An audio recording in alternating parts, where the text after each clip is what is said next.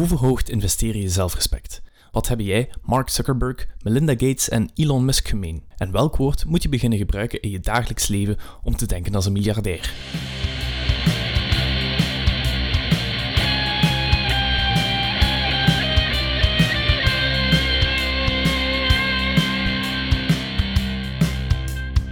Welkom bij de Goed Belegd podcast. Mijn naam is Loïc en in deze podcast ga ik waarde toevoegen aan jouw leven door te bespreken hoe je best investeert, in de brede zin van het woord. Deze podcast is er voor iedereen, want iedereen investeert, op welke manier dan ook. Een economische achtergrond is niet vereist. Zie deze podcast als een investering, een investering in jezelf. Vandaag geef ik jou zeven redenen waarom iedereen zou moeten investeren. Zij het in een eigen zaak, op de beurs, in vastgoed, noem het maar op. Als jij op de hoogte wil gehouden worden van de nieuwste aflevering van deze podcast, druk dan zeker even op het belletje. Chef is er vandaag niet bij, maar uh, ik denk wel dat dat zal lukken. Dus de zeven goede redenen waarom iedereen eigenlijk zou moeten investeren. Nummer 1. Door te investeren verhoog je je zelfrespect. Vele mensen krijgen een loon en geven hun geld uit om de huur te betalen, of ze gaan direct om boodschappen. Ze gaan misschien direct met een loon naar de nightclub om flessen te kopen. En op zich is daar helemaal niks mis mee. Maar wat je wel doet, is je geeft je geld direct uit aan iemand anders. Je zuurverdiende centen gaan naar je huisbaas of naar je bank waar je lening hebt lopen. Je geld gaat misschien naar Albert Heijn waar je boodschappen gaat doen, of de eigenaar van die nachtclub. Een wijze Engelse leuze is pay yourself first. Wanneer je inkomsten op je bankrekening komen, betaal je dus best eerst jezelf voor je geld uitgeeft aan iemand anders. Je zou een bedrag kunnen bepalen en dat dan als eerste aan de kant zetten om te investeren. Op die manier ben jij de eerste persoon die van je geld kan profiteren en geef je het niet meteen af aan iemand anders. Het bedrag hoeft ook helemaal niet groot te zijn, zolang je maar iets aan de kant zet voor jezelf. Bedank jezelf dan ook om eerst te denken aan jezelf en aan je toekomst. Zeg desnoods let op uh, ook al klinkt het een beetje belachelijk, maar op die manier ga je toch je zelfvertrouwen en je zelfrespect verhogen. Je krijgt er echt een boost van als je weet, kijk, ik heb mijn geld gekregen op mijn bankrekening en de eerste die daarvan heeft genoten, dat ben ik, want ik investeer in mezelf. By the way, het is dan ook nog zo dat veel mensen al snel de neiging hebben om rond te komen met hun inkomen. En wat ik daarmee bedoel is, alles wat ze verdienen is meestal net genoeg om rond te komen op het einde van de maand. Zelfs al gaan ze meer verdienen, ze kopen dan toch misschien iets duurdere spullen of ze gaan misschien zichzelf wat meer verwennen door eens meer op restaurant te gaan of, op, uh, of naar het café. En dat noemen ze inflatie van je levensstijl en in het Engels iets mooier lifestyle inflation. Dus moest je nu al 100 euro van je inkomen als eerste aan de kant zetten, pay yourself first, dan zou je waarschijnlijk wel een manier vinden om met de rest van je inkomen op het einde van de maand toch nog rond te komen. Door jezelf dus eerst te betalen, ga je niet plots uithongeren op het eind van de maand.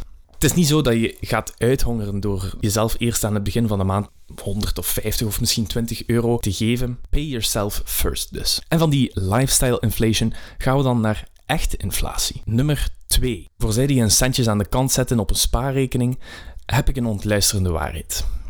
Je kan op vandaag 10% minder doen met je geld, dus je kan 10% minder kopen met je geld dan een jaar geleden. Door problemen in de logistieke keten, bijvoorbeeld het vervoer, de opslag enzovoort van goederen, is het aanbod van die goederen eigenlijk kleiner dan de vraag. En dat resulteert in hogere prijzen en dus inflatie. De prijzen van zowat alle producten worden duurder, maar geld op je spaarrekening blijft gewoon hetzelfde bedrag. Ja, je krijgt natuurlijk interest op je kapitaal, Um, dus het zal ietsje aangroeien, je kapitaal zal iets groter worden elk jaar, maar je geld groeit veel minder snel dan de prijzen stijgen. En zeker in een jaar als dit jaar, waarbij die, waarbij die logistieke keten eigenlijk roet in het eten gooit. De rentes zijn heel laag, ook op spaarboekjes. Veel banken willen eigenlijk zelf niet dat je bij hen gaat sparen, omdat zij daar nog op dit moment voor moeten betalen zelf. Je goede reflex om te sparen wordt dus niet beloond als je het gaat doen via een spaarrekening. Door investeringen te doen zal je kapitaal op de lange termijn waarschijnlijk meegroeien met die prijsstijgingen of de inflatie en waarschijnlijk gaat het zelf meer aangroeien. Je zal dus niet minder met je geld kunnen doen na verloop van de tijd, maar net meer. En hoeveel meer je met je geld kan doen door te investeren, dat brengt ons bij nummer 3. Door te investeren kan jij getuige zijn van wat ze het achtste wereldwonder noemen. Het achtste wereldwonder is de naam die wordt gegeven aan de term samengestelde interest. Kort gezegd is het het effect waarbij je geld interest opbrengt en daarna krijg je weer interest op dat geld dat je in het begin had geïnvesteerd, maar ook op de interest van de vorige keer. Begin je bijvoorbeeld met 1000 euro en zou je elk jaar 10% interest ontvangen, dan heb je na één jaar 1100 euro. Na twee jaar heb je 1210 euro. Je krijgt in het tweede jaar dus niet alleen 10% op de 1000 euro die je in het begin investeerde, maar ook op de 100 euro interest die je al kreeg in het eerste jaar. Dat is dus 10 euro meer dan mocht je elk jaar gewoon 10% krijgen op je 1000 euro. Nu ja, 10 euro. Ik hoor je denken, is dat nu zo spectaculair? Is dat nu het achtste wereldwonder? Um, ja en nee. Het achtste wereldwonder ga je eigenlijk pas zien als je de procedure van interest op interest op interest een paar keer gaat herhalen. Als je die procedure nog een paar jaar na elkaar herhaalt, dan zal je zien dat je na 10 jaar al 2593 euro hebt. Je kapitaal is dus meer dan verdubbeld op 10 jaar. Not impressed? Laat je geld nog eens 10 jaar extra lopen en je hebt na 20 jaar 6700 euro. Bijna maal 7 dus. Dus twee keer zo lang laten lopen is al geld maal 7 bijna. Still not impressed? Oké, kan zeker. Stel je voor dat je die 1000 euro investeert en na 40 jaar terug opneemt. Dan heb je 45.259 euro, maal 45 dus, gedurende de periode van een standaard loopbaan. Ten slotte, voor zij die echt nog niet onder de indruk zijn, stel je nu eens voor dat je zou beleggen voor de volgende generatie. Laat je 1000 euro 80 jaar staan en je hebt meer dan 2 miljoen euro. Netjes noemen ze dat. hoe langer je je geld dus de tijd geeft, hoe sneller en sneller het aangroeit op het einde. Dat is samengevat de samengestelde interest of interest op interest op interest op interest eigenlijk. Best begin je dus zo vroeg mogelijk, ook al is het met weinig geld. Dat dat bedrag klein is, wordt eigenlijk ruimschoots gecompenseerd door de lange looptijd. Nu, dit voorbeeld is een beetje onrealistisch. En waarom is dat? Wel, ten eerste ga je in werkelijkheid op de beurs met een index-ETF bijvoorbeeld. En je kan zeker ook even nog luisteren naar de aflevering over ETF's. Ik zal die in de show notes plaatsen. Maar als je met een index-ETF zou gaan beleggen, dan kan je ongeveer rekenen op 6 à 8 procent op jaarbasis. Dat is dus niet die 10% van het vorige voorbeeld, maar toch 6 à 8% is toch al behoorlijk. En de tweede reden waarom dat eigenlijk ook een beetje onrealistisch is, is omdat dat niet elk jaar 7% gaat zijn die erbij komt als je gaat beleggen via bijvoorbeeld een index-ETF. Het gaat eerder het ene jaar plus 3% zijn. En dan is een jaar plus 20%. Dan is een jaar min 1% of misschien zelfs min 20 of min 30%. Het verloop gaat heel grillig zijn. Maar als je het absolute gemiddelde neemt, kom je wel aan 6 à 8% gemiddeld. Dat is op heel lange termijn, vandaar dat investeren op de lange termijn zo wordt aanbevolen. Wie weet begin je net met beleggen en gaat net in dat jaar de beurs min 30%. Als je dan maar twee jaar je geld wil investeren, is de kans niet groot dat je met winst gaat weglopen. Nummer 4. Investeren kan je rijk maken. Dat is op zich niet zo spectaculair. Een groot getal op je bankrekening zal je niet gelukkig maken. Zelfs een grote villa en een sportwagen zijn niet altijd even vervullend. Misschien nice to have, maar zeker niet altijd vervullend. Wat investeren wel kan doen en wat die rijkdom wel kan doen, is je vrijheid geven. Vrijheid om meer dingen te doen die je echt zou willen doen en minder van de dingen die je niet echt wil doen. Je zou bijvoorbeeld je volledig kunnen toeleggen op een creatieve activiteit, je zou meer kunnen gaan reizen, je zou de tijd kunnen nemen om voor anderen iets te doen en nog zoveel meer. En over dat aan andere mensen teruggeven, daarom is eigenlijk rijkdom nastreven ook niet per se iets slecht. Het valt te zien wat je doet met je rijkdom. Sommige miljardairs zoals Mark Zuckerberg, Melinda Gates en Elon Musk doen mee aan The Giving Pledge. Daarin beloven ze eigenlijk dat ze op het eind van hun leven, of al tijdens hun leven, een groot deel van hun vermogen zullen wegschenken. Investeren is dus een grote sleutel tot rijkdom. En met die rijkdom kan jij ook doen wat je wil. En als je dat zou willen, zou je net zoals Mark Zuckerberg of Melinda Gates een stuk van je vermogen kunnen gaan weggeven. Nog zoiets over vermogende mensen. Vermogende mensen hebben vaak heel weinig geld. Klinkt misschien een beetje raar, maar als we het hebben over wat er op de bankrekeningen staat van vermogende mensen en de briefjes die in een portefeuille zitten, dan is dat niet zo heel veel. Wat vermogende mensen wel hebben, is assets in het Engels. Um, een woord dat je eigenlijk heel moeilijk kan vertalen zonder het helemaal onsexy te maken. Maar voor zij die toch benieuwd zijn, de vertaling is een activum of activa in het meervoud. Het komt erop neer dat het bezittingen zijn die hen geld opleveren. Bijvoorbeeld aandelen van bedrijven die een winst uitkeren als er winst gemaakt wordt. Of ehm, misschien investeren ze met hun geld in een eigen bedrijf.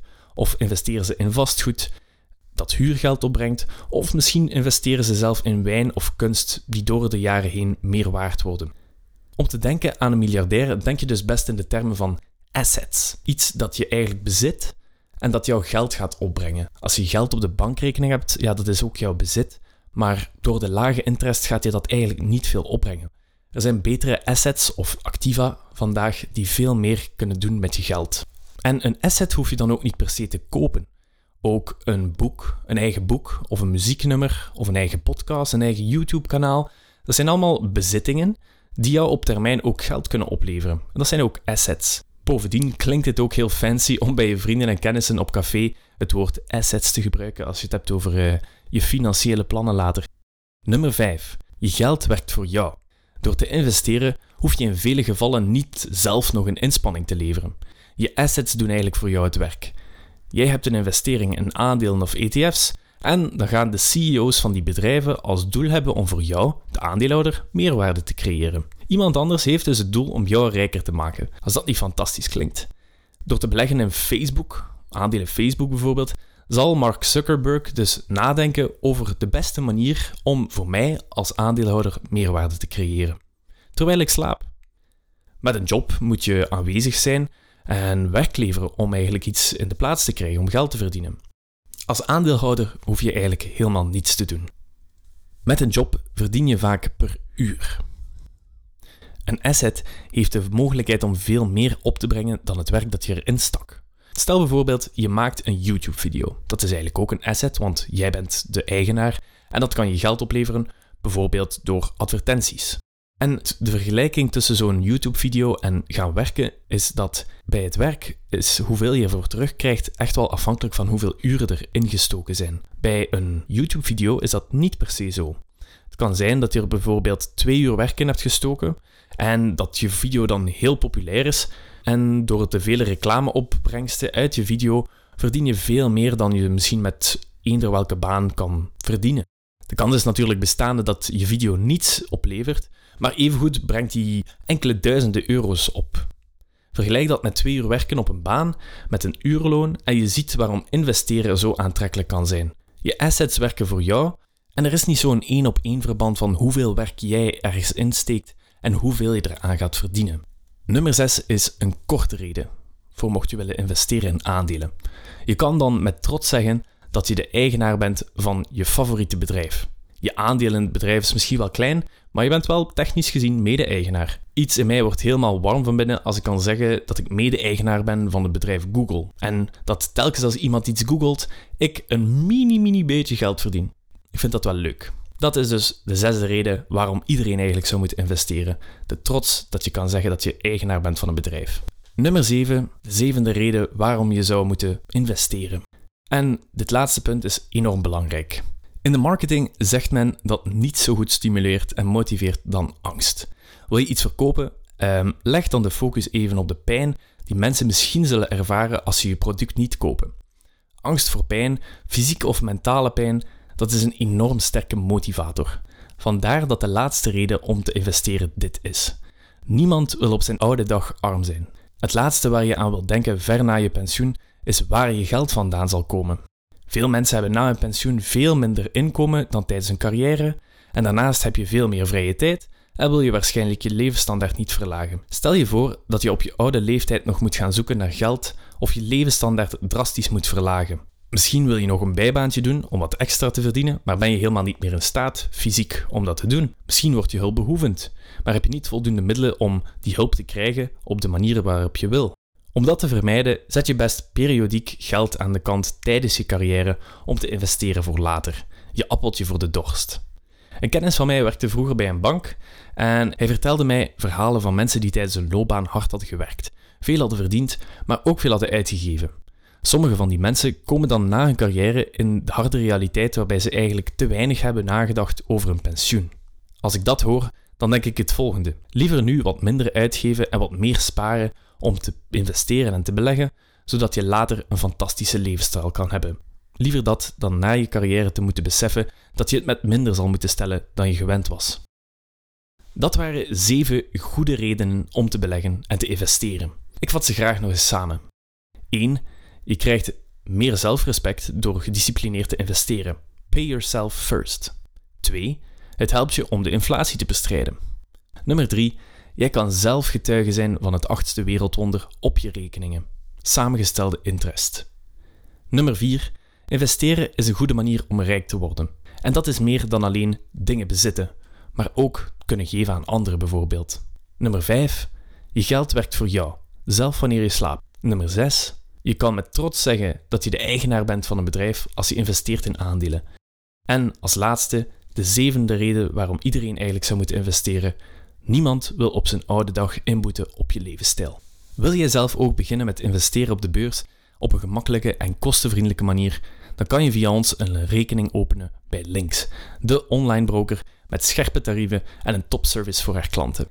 Een van de dingen waar ik zelf ook zeer tevreden mee ben, is het grote aanbod van wereldwijde markten en vele soorten beleggingsproducten. Klik dus zeker eens op de link in de show notes en open online je effectenrekening bij links. Dat was het voor vandaag. Heb jij waarde geput uit deze podcast en wil je ons helpen om meer mensen te bereiken? Post dan even een foto van waar jij precies luistert naar de podcast op je Instagram stories en tag ons at goedbelegd. Dat is goed belegd in één woord, dus het goed belegd. Geef ons zeker ook een rating op Spotify, zo worden we sneller gevonden en kan onze podcast organisch groeien. We hebben geen grote bedrijven die ons helpen om veel mensen te bereiken, dus elke keer dat iemand een rating geeft of iets post op zijn Instagram stories, dan helpt dat ons enorm om meer mensen te bereiken en aan meer mensen hun leven waarde toe te voegen. Dankjewel om erbij te zijn op deze aflevering. En vergeet jezelf ook zeker niet te bedanken, want jij hebt je tijd nuttig geïnvesteerd door deze podcast te beluisteren. Ciao!